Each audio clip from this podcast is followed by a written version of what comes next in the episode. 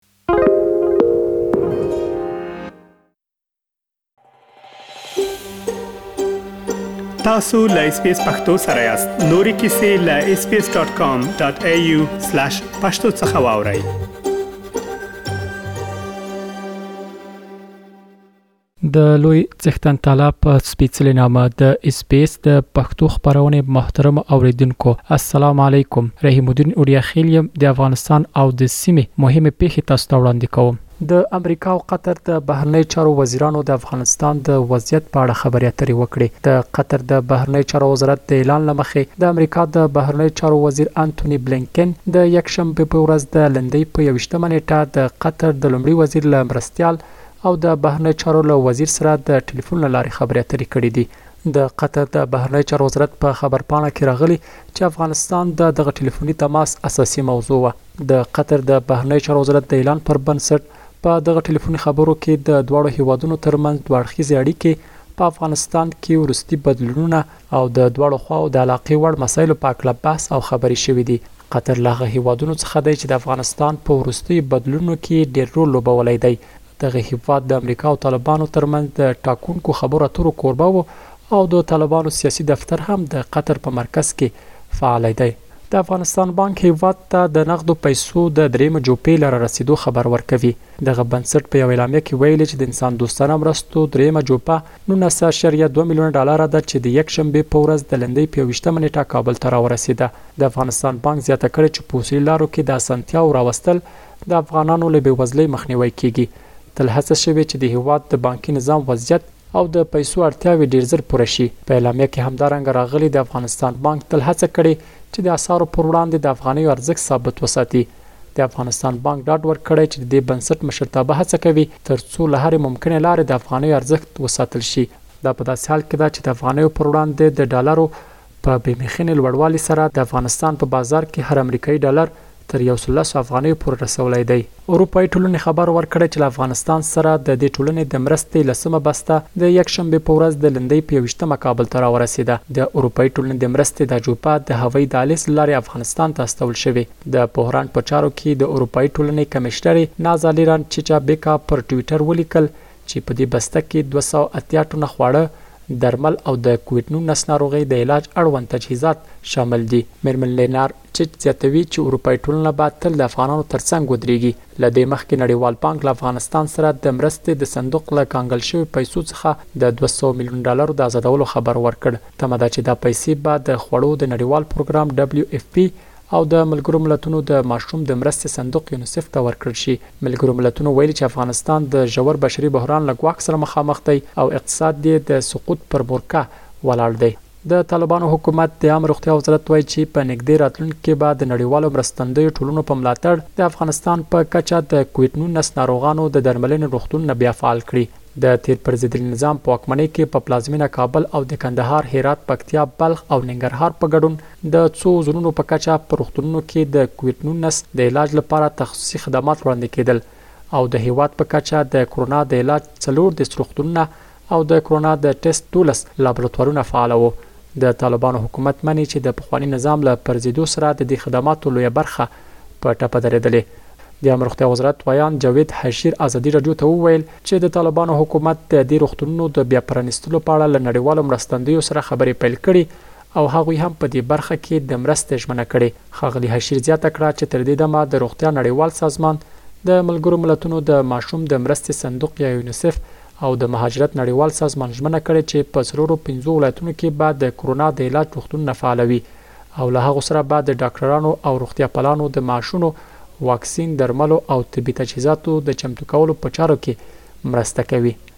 د پاکستان صدراعظم عمران خان ویلي، په افغانستان کې د اقتصادي سقوط او بشري ناورین د مخنیوي لپاره باید د مرستو لپاره هره ممکنه لاره وکارول شي. هغه دا خبره په اسلام اباد کې له یوه ډله امریکايي سناتورانو سره په لیدنه کې کړې. له امریکايي سناتورانو سره په لیدنه کې ښاغلي خان همدا راز له امریکا غوښتي چې د سیمې د سولې او ثبات لپاره خپل رول ادا کړي. د پاکستان د صدراعظم دفتر د امریکايي سناتورانو په حواله لیکلي چې دوی له افغانستانه د خلکو د را ایستلو په بهیر کې د پاکستان هڅې ستايي. له امریکايي سناتورانو سره په لیدنه کې د پاکستان صدراعظم د جمع او کشمیر په مسله هم خبرې کړي. د خوړو نړیوال پروګرام ډبلیو ایف پي د افغانستان د اقتصادي وضعیت په هکله د اندېښنو په څرګندولو سره وايي چې د وچکالۍ او وروستیو جګړو له کبله فقر په بېسارې توګه د پراخېدو په حال کې دی. دا سازمان په پام کې لري چې د دوه زره او دوه ویشت میلادي کال په بهیر کې شاوخوا له درویشت میلیونه افغانانو سره خوراکي مرستې وکړي. د افغانستان لپاره د خوړو نړیوال پروګرام استازي ماري الان مکروټي یکشنبه د لندۍ پر یوویشتمه له رسنیو سره په خبرو کې په ډاګه کړه چې دا کار هره میاشت دوه سوه شل میلیون ډالرو ته اړتیا لري. په دې ترتیب هغې زیاته کړه، د خوړو نړیوال پروګرام د دفتر د اټکل له مخې راروان کال له یاد شمېر افغانانو سره د مرستې لپاره هر افغان ته په اوسط ډول یو سلو لس ډالره بودجه ځانګړې کېږي. د افغانستان لپاره د خوړو نړیوال پروګرام استازي په ډاګه کړه چې د دغه بنسټ له تمویل کوونکو سره خبرې روانې دي چې د یاد شمېر کسانو د مړولو لپاره د اړتیا وړ بودجه برابره کړل شي. مکروټي زیاته کړه چې هغې تېره میاشت ټول افغانستان ته سفر کړی او د بد وضعیت او د ماشومانو د خوړو کموالی یې په سر سترګو لیدلی دی. د خوړو نړیوال پروګرام د استازي په وینا، د وروستیو کلو جګړې او وچکالۍ دواړه یوځای په هېواد کې د فقر په سونامي اوړي. هغې وویل، همدا اوس دوه ویشت اعشاریه اته میلیونه افغانان د خوړو له شدید کموالي سره مخ دي او اته اعشاریه اووه سلنه یې د قحطۍ له شرایطو سره یو ګام واټن لري. دا په داسې حال کې ده چې د اغلې مکروټي په وینا، درې اعشاریه دوه میلیونه ماشومان په دوه زره او یوویشتم کال کې په خوارځواکۍ اخته دي. د امریکا د متحده ایالاتو داسې یوه مقرره جوړه کړې چې له مخې یې افغانستان ته د پیسو لېږد او حوالې ته اجازه ورکول کېږي. او هغه افراد او موسسې چې د پیسو د استولو په چاره کې دخیل دي پر طالبانو د امریکا له بندیزونو معافیږي. د امریکا د خزانې وزارت د لندۍ په نولسمه دا عمومي جواز صادر کړ. دا اقدام داسې مهال کیږي چې افغانستان د سخت بشري بحران او اقتصادي سقوط له ګواښ سره مخامخ دی. د جواز له مخې افغانستان ته د پیسو حواله که د طالبانو او حقاني شبکې هغه غړي چې نومونه یې د امریکا په تور لیست کې دي هم پکې دخیل وي خو د حوالې د اجرا لپاره یې د نومونو لیکلو ته اړتیا وي جواز لري خو په دې شرط چې د حوالې هدف سوداګریز نه بلکې شخصي وي. په دې حوالو کې د افغانانو د مالي شرکتونو له خوا د پیسو انتقال هم شامل دی. د امریکا د خزانې وزارت یو ویاند وویل، د افغانستان د روان اقتصادي مصیبت علت پر طالبانو د امریکا بندیزونه نه دي او دا جواز هم د دې حالت په حال کې کومه مرسته نه شي کولای. د پیسو د لېږد نړیوالو شرکتونو ویسټرن یونین او منیګرام پر هېواد د طالبانو له واکمنېدو وروسته په افغانستان کې فعالیت بند کړی و او په سپټمبر میاشت کې یې خپل کاروبار بیا پیل کړ.